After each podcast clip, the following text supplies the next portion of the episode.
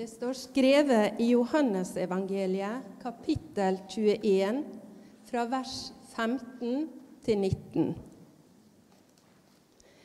Da de hadde halde måltid, sier Jesus til Simon Peter.: Simon, sønn til Johannes, elsker du meg mer enn disse? Ja, Herre, svarer han. Du veit at jeg har deg kjær. Jesus sier til han, Fø lamma mine. Og han sier til han andre gangen, Simon, sønn til Johannes, elsker du meg? Ja, Herre, svarer Peter, du veit at jeg har deg kjær. Jesus sier til ham, Gjet sauene mine. Så sier han tredje gangen, Simon, sønn til Johannes, har du meg kjær? Peter ble sorgfull da Jesus tredje gangen spurte, Har du meg kjær? Og han svarer, Herre, du veit alt. Du veit at jeg har deg kjær.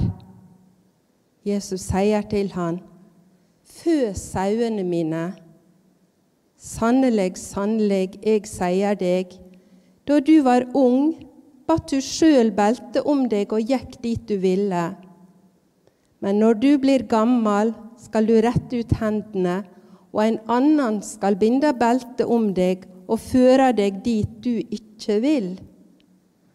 Det sa han for å syne hva slags død han skulle ære Gud med. Da han hadde sagt dette, sa han til Peter, Følg meg. Slik lyder Herrens ord.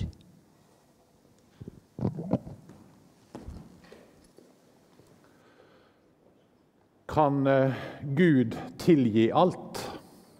Eller er det svik og vondskap og vonde handlinger som Gud må si nei, dette kan jeg ikke tilgi. Dette er utilgivelig.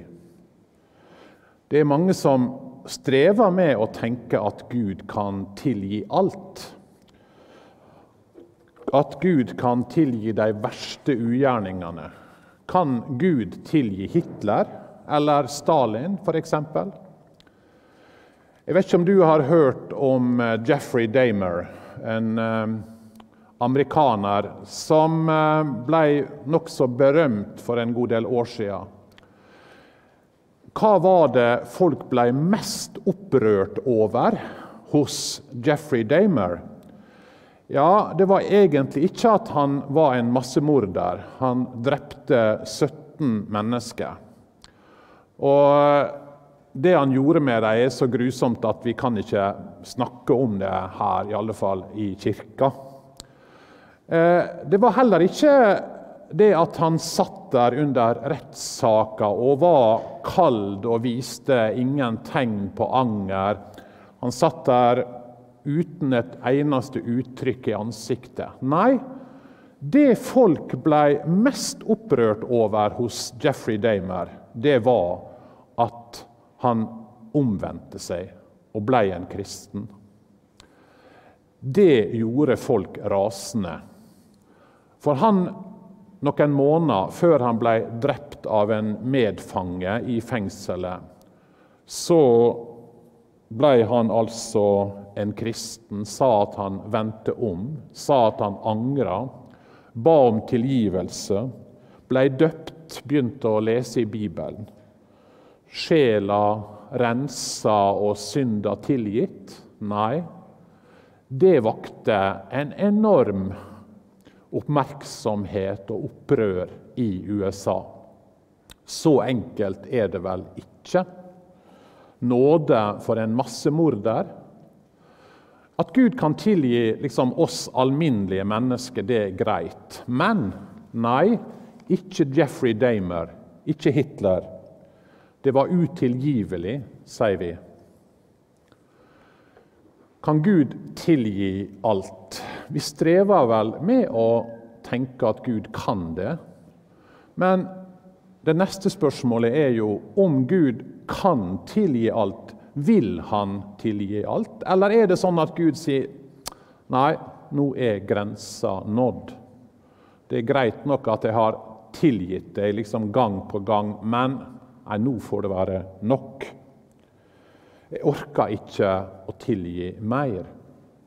For vi mennesker, tror jeg, i alle fall så er jeg sånn at jo, OK, jeg kan tilgi, men der er jo ei grense.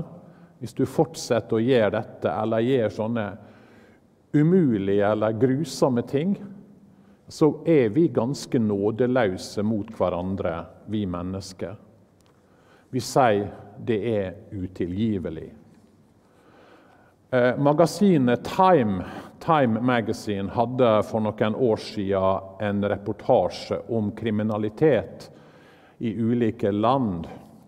Og eh, De intervjua en mann i Japan om eh, det han hadde gjort. Han var en morder. Han hadde sittet 15 år i fengsel.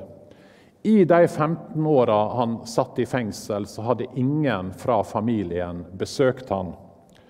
Og etter han ble satt fri, så møtte kona og sønnen han, bare for å fortelle at han aldri måtte komme tilbake igjen til den landsbyen der han kom ifra. Hans tre døtre nekta å møte han.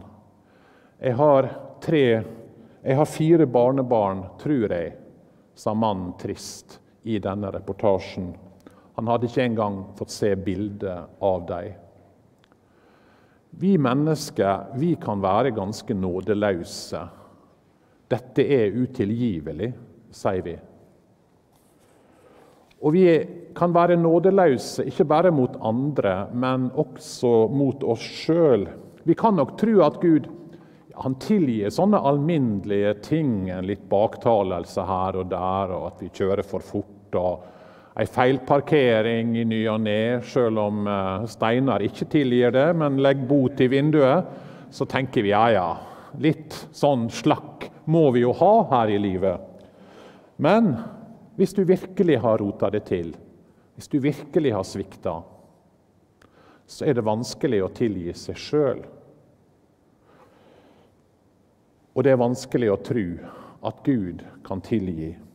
Hvordan kunne jeg være så dum? Hvordan kunne jeg gjøre dette her? I dagens tekst Vi er liksom ei uke etter påske.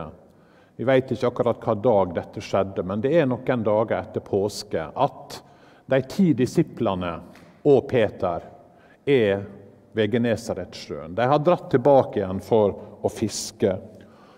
Og Jesus møter dem denne morgenen de har fiska hele natta, og på morgenen så kommer Jesus. Og Dette er første møte som Dette er første møte mellom Jesus og Peter etter at Peter har svikta Jesus.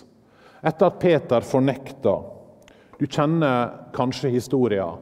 Fordi Peter var jo den kvelden Jesus ble tatt til fange, så var han ganske bombastisk og sa det at ja, om alle andre svikter Jesus, så skal ikke jeg gjøre det.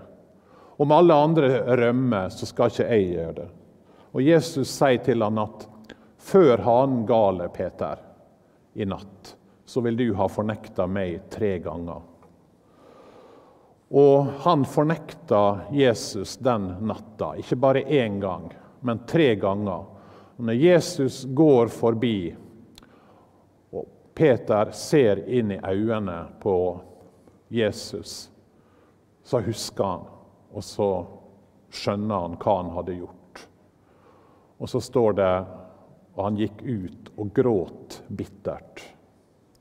Han gikk ut og gråt bittert. Han var knust. En annen disippel som vi ikke møter i dagens tekst, men som jo skulle ha vært der, for de var jo tolv, det er Judas Iskariot. Også for han var det ei fryktelig påske. Det er ikke ofte jeg har snakka om Judas. Det er ikke liksom et, en person vi trekker så fram i preikene våre ofte. For det er vanskelig. Det er vanskelig å forstå han, og historia er vanskelig og krevende. Hva skjer egentlig med Judas? Og hvorfor er ikke dette her denne morgenen et møte mellom Jesus og begge de to som har svikta, både Peter og Judas? Hvorfor bare Peter? Vi får ikke høre så mye om Judas i evangelia. Det er i grunnen bare i påska vi får høre litt om han. Vi får høre at han var ansvarlig for pengekassa, og Johannes sier at han stjal fra pengekassa. Stjal han fordi han ville ha det til seg sjøl, eller stjal han kanskje fordi han ville dele ut til de fattige? Eh, det er jo en tekst i, i eh, Bibelen der, der, de sier ja, kanskje gikk eh, Judas ut for han skulle forberede høytida, eller at han skulle gi noe til de fattige. Vi veit ikke så mye om Judas. Var han bare et råttent egg helt fra begynnelsen av? Hvordan kunne han være det etter tre år sammen med Jesus? Var han bare grådig og forrådte Jesus for noen penger?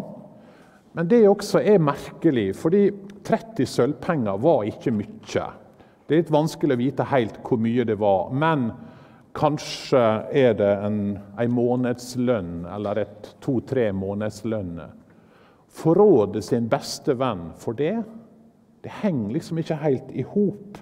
Og hvis han var så grådig, hvorfor kasta han disse sølvpengene inn i tempelet etterpå? Vi får jo høre at han ikke bare ble kalt Judas, men Judas Iskariot. Det betyr Ish det er, betyr mann, og kariot fra kariot eller keniot. Dette var et senter for selotene i Israel.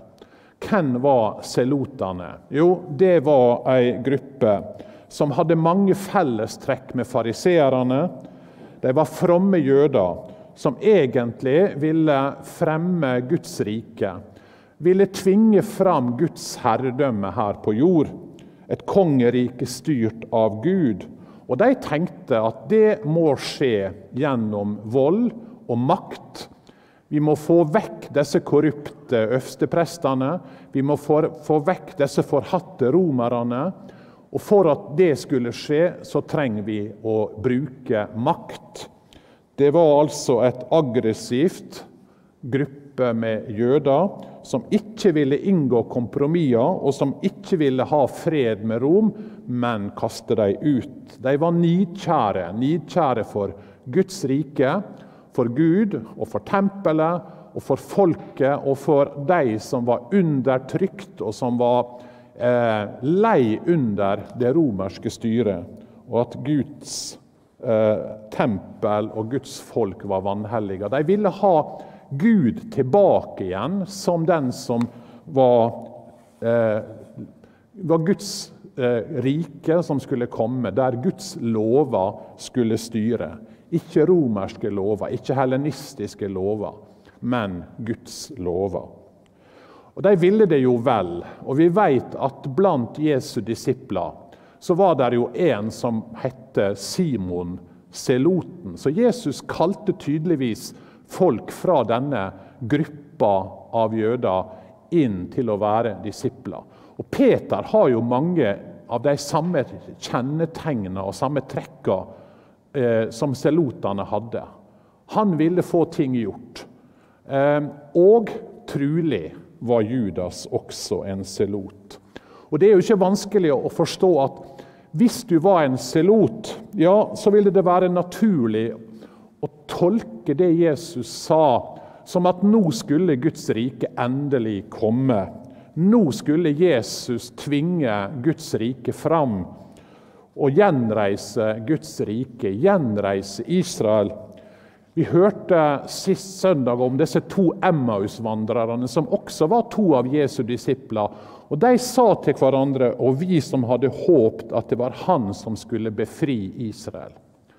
Dette var jo det mange av disiplene tenkte at Jesus skulle gjøre når han nå gikk opp til Jerusalem før påske. Og Hvordan tenkte de at denne befrielsen da skulle skje? Jo, de tenkte Jesus han har jo legioner med engler som han kan tilkalle. Han har makt over døden. Han har makt, han kan kaste disse romerne ut. Han kan fjerne de korrupte lederne, eh, særlig øversteprestene. Og Det er ikke rart at de tenkte sånn, fordi Jesus han sa jo ting som kunne tolkes i denne retninga. Hør på dette som han sier i Matteus 10. Tro ikke at jeg er kommet for å bringe fred på jorden. Jeg er ikke kommet for å bringe fred, men sverd. Og hvis du var en selot, så ville du tenke yes, dette er bra. Nå skjer det noe her snart. Nå skal vi snart bli fri.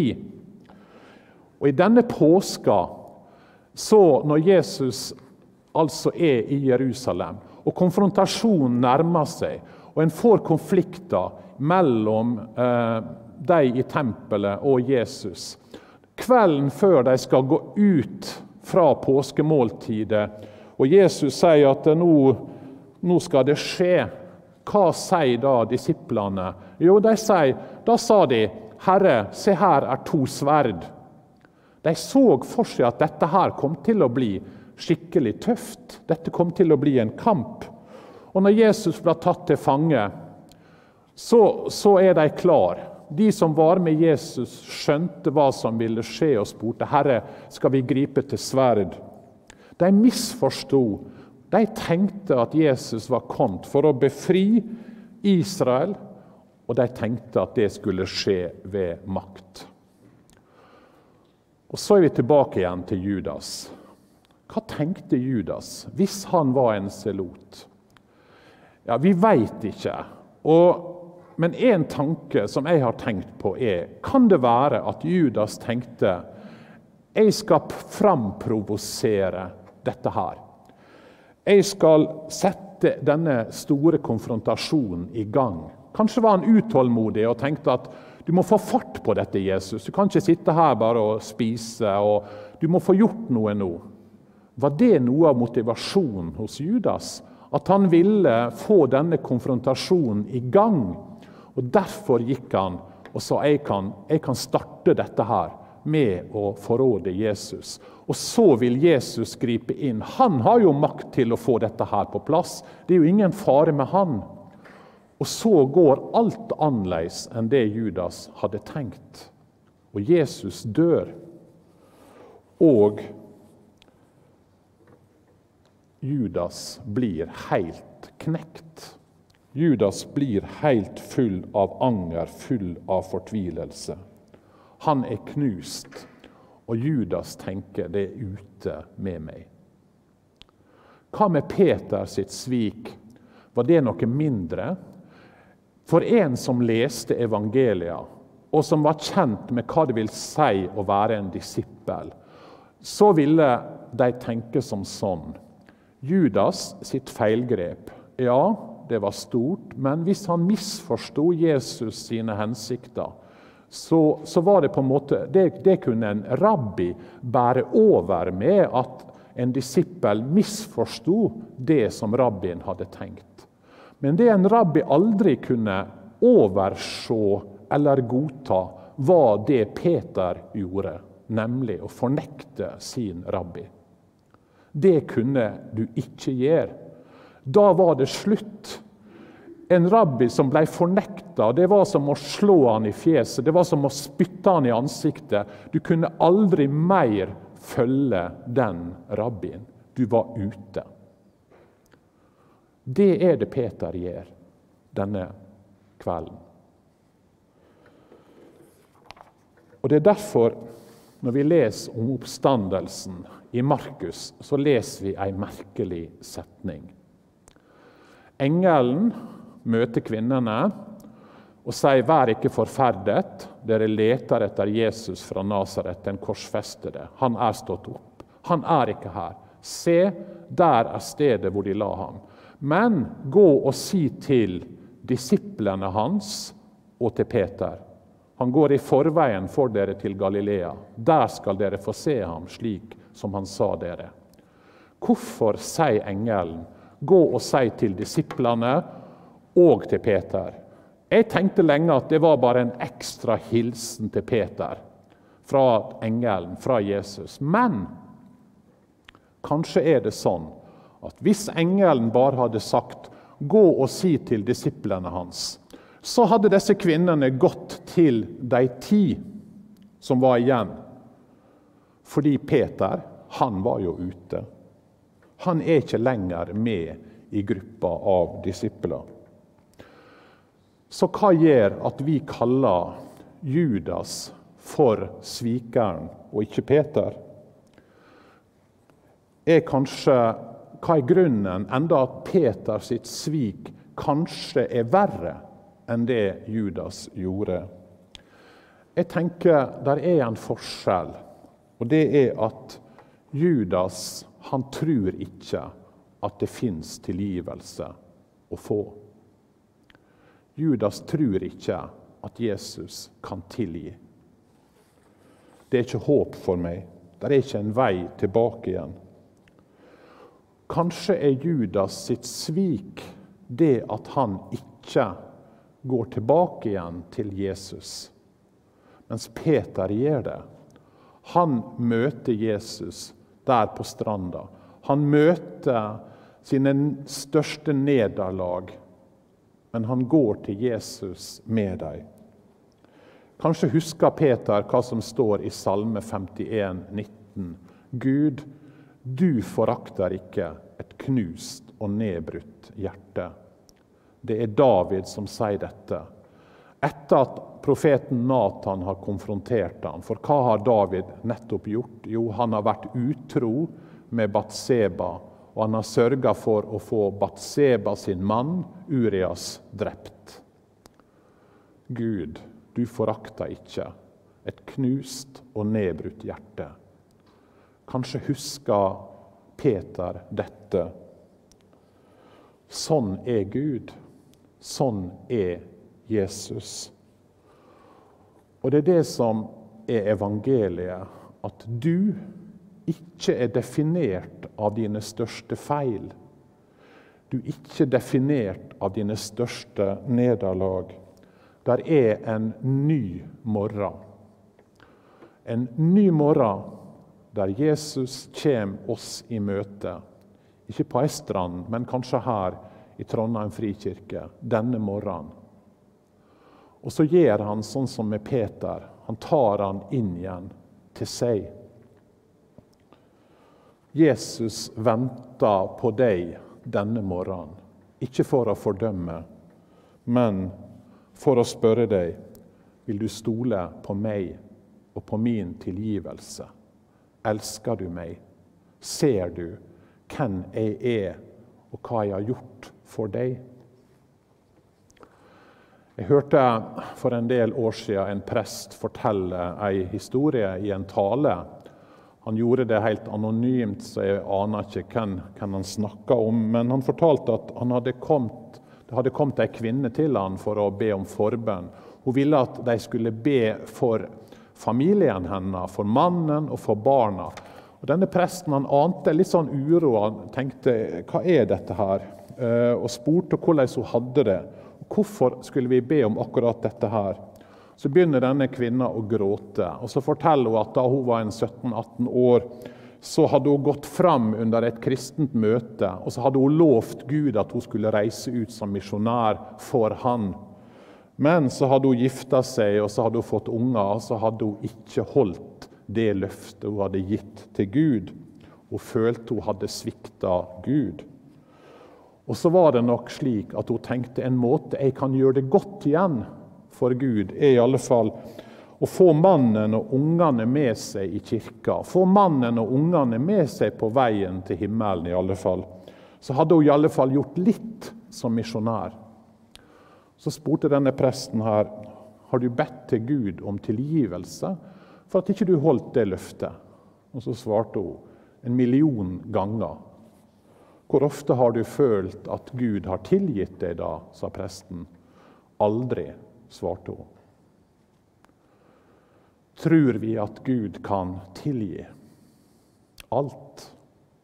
Tror vi at Jesus er en som møter oss en ny morgen etter våre svik og våre nederlag.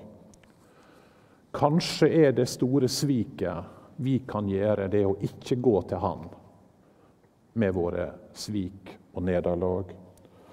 At vi ikke stoler på at Hans tilgivelse er uendelig. At Hans nåde dekker over alt. At det er slik som Paulus skriver i Romerne 8, at der synden er stor, er nåden enda større. Peter fikk oppleve det denne morgenen. Synda var stor. Jeg tror ikke vi aner hvor stort Peters svik var. Men nåden var enda større. I ei bok som heter 'Nådens gåte', så prøver Philip Jensi å skrive noe om hva nåde er. Og Han beskriver det slik nåde betyr at det er ingenting vi kan gjøre for å få Gud til å elske oss mer ikke gode gjerninger, åndelige øvelser, prestasjoner eller oppgaver vi tar på oss. Og nåde betyr at det er ingenting vi kan gjøre som får Gud til å elske oss mindre. Ikke rasisme, hovmod, utroskap, mord. Nåde betyr at Gud elsker oss så høyt som en uendelig Gud kan elske. Og Peter får kjenne denne morgenen sånn er Jesus. Og Det er denne morgenen han er her for å møte deg og for å møte meg. Og for å ta oss inn igjen i sin favn. Og la oss få merke han elsker oss. Et av mine favorittvers i Bibelen er klagesangene 23, 3, 22-23.